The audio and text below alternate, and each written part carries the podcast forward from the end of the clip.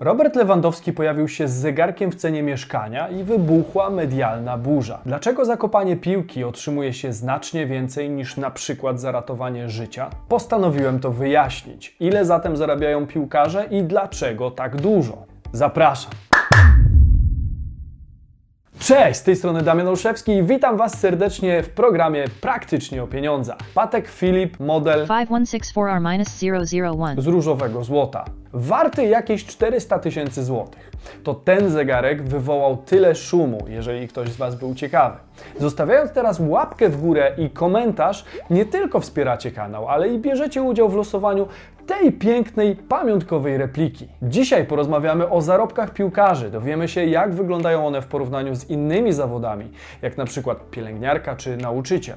Spróbujemy też zrozumieć, jaką wartość komercyjną generuje ten zawód i dlaczego to zwykłe ganianie się za piłką jest tak wysoko opłacane. Robert Lewandowski zarabia obecnie 22 miliony euro rocznie i jest najlepiej zarabiającym piłkarzem Bayernu Monachium. Niedawno też wyciekły aktualne stawki wszystkich piłkarzy Bayernu, które przedstawiają się tak, jak widzicie na załączonym obrazku. Sam Robert został uznany za najlepszego piłkarza na świecie przez FIFA, ale daleko mu do najlepiej zarabiających piłkarzy świata. Według rankingu Forbesa z 2020 roku najlepiej zarabia Leo Messi. Mówimy o kwocie 78 milionów euro rocznie, czyli jakieś 6,5 miliona euro miesięcznie.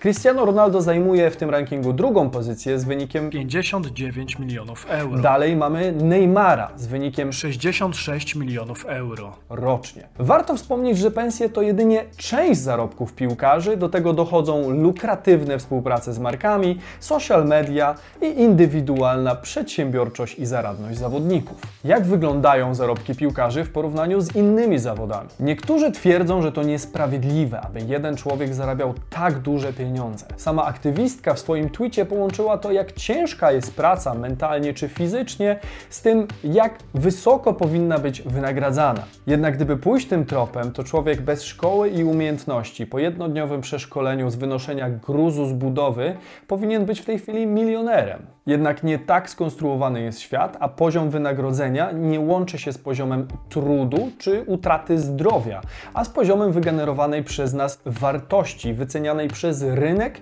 i pracodawcę. Porównując medianę zarobków w innych zawodach do pensji Lewandowskiego, dowiemy się, że lewy zarabia 2778 razy więcej od kasjera w sklepie, 2475 razy więcej od fryzjera, 2355 razy więcej od pracownika budowlanego, 2142 razy więcej od nauczyciela dyplomowanego, czy choćby 1944 razy więcej od pielęgniarki. Ciężko jednak porównywać medianę zarobków w danym zawodzie w Polsce do lidera ogólnoświatowych rankingów najpopularniejszego sportu na świecie. Choćby ze względu na różnice walutowe czy różnice w poziomie umiejętności w swojej kategorii, a wręcz mistrzostwa. Dlaczego zatem tak jest? Dlaczego piłkarze zarabiają tak dużo? W dużym skrócie chodzi o ich wartość komercyjną dla klubu i marek, które reklamują. Każdy piłkarz ma swoją własną markę osobistą, czyli publiczny wizerunek budowany przez lata, zarówno na boisku, jak i poza nim. Imię i nazwisko Robert Lewandowski jest na światowych stadionach rozpoznawalne jak Nike czy Puma i kojarzone z konkretnymi wartościami i umiejętnościami. Aby lepiej zrozumieć, co konkretnie wpływa na taki poziom zarobków wśród piłkarzy, wymienimy najważniejsze czynniki, które determinują poziom naszych zarobków. Po pierwsze, konkurencja w zawodzie. Po drugie, popyt na produkt czy usługę. Po trzecie, podaż na rynku pracy. Po czwarte, wartość, jaką generujemy dla pracodawcy. I po piąte, umiejętności negocjacyjne. Zauważcie, że w tym zestawieniu zabrakło ilości poświęconego czasu, czy też y, wylanego potu czy krwi.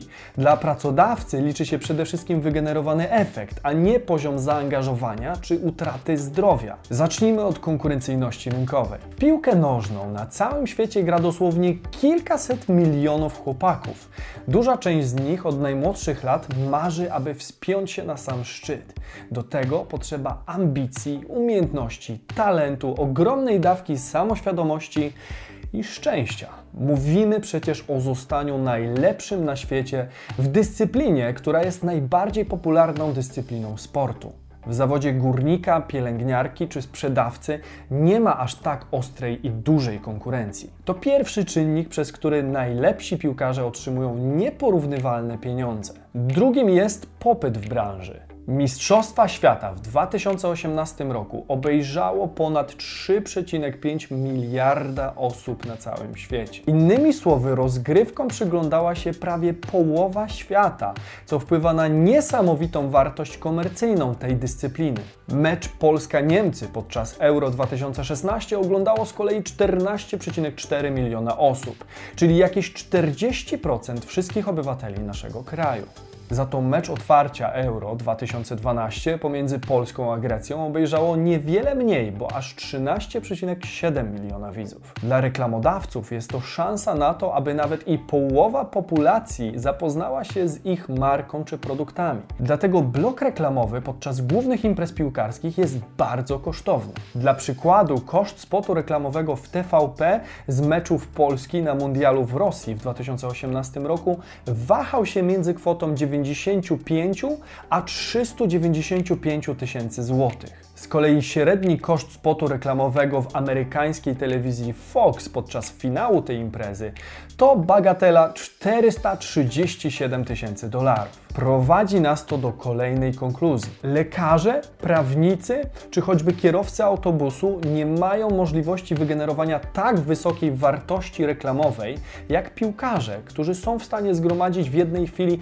dziesiątki tysięcy osób w jednym miejscu na stadionie albo i nawet widzów przed telewizorami. Pamiętajmy, że każda z tych osób to potencjalny konsument piwa, kosmetyków, napojów sportowych, butów i wielu, wielu innych. Pensja piłkarzy odzwierciedla więc to, jak duże zyski są w stanie wygenerować dla firm poprzez swój występ. Następna jest podaż na rynku pracy. Piłkarzy na świecie jest sporo. Każdy z nich reprezentuje sobą jakiś tam poziom gry. Na przykładzie lewego możemy jednak śmiało powiedzieć, że snajperów o jego umiejętnościach i skuteczności jest bardzo niewielu. Konkurować z nim na tej pozycji mogłoby pewnie zaledwie kilku piłkarzy. Zatem w jego przypadku możemy powiedzieć, że stał się tak zwanym key person w swojej firmie, czyli pracownikiem niezwykle trudnym do zastąpienia, co niewątpliwie ma wpływ na jego jego wynagrodzenie. Pamiętajmy, że im trudniej jest nas zastąpić, tym więcej możemy wymagać. Skoro podaż tego rzędu specjalistów jest ograniczona, to rośnie również ich rynkowa wartość. Podobnie jest na tym pozasportowym rynku pracy. Możemy to zauważyć choćby na przykładzie dobrych fachowców, budowlańców czy stolarzy. Ci najlepsi mają terminy za pół roku i dalej i są w stanie systematycznie windować stawki, dlatego że są po prostu rozchwytywani. Niektórzy rzucają nawet stawką na odchodne, tak żeby ktoś dał sobie spokój, a klient jak na złość się zgadza. Tak więc braki w podaży takich snajperów jak Robert są również przyczyną tak wysokich zarobków. Najważniejsza jest jednak wartość wygenerowana dla pracodawcy. Za samą wygraną w Lidze Mistrzów w zeszłym roku Bayern Monachium otrzymał premię w wysokości blisko 120 milionów euro.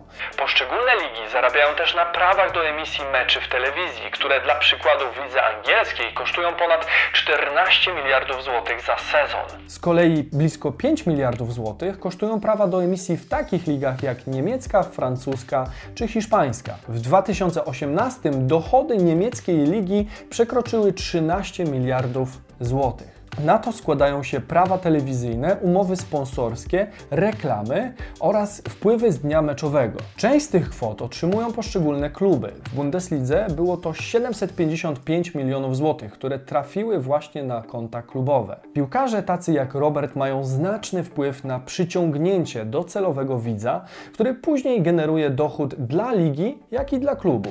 Widzowie głównie przychodzą po gole, a kto dostarczy im większych wrażeń niż król strzelców w danej Lewandowski goes for the goal! You just can't do it! You just cannot be that good! That is an amazing goal! Tym samym lewy jako pracownik dostarcza klubowi wartość przewyższającą znacznie to, co wyciąga z kieszeni włodarzy.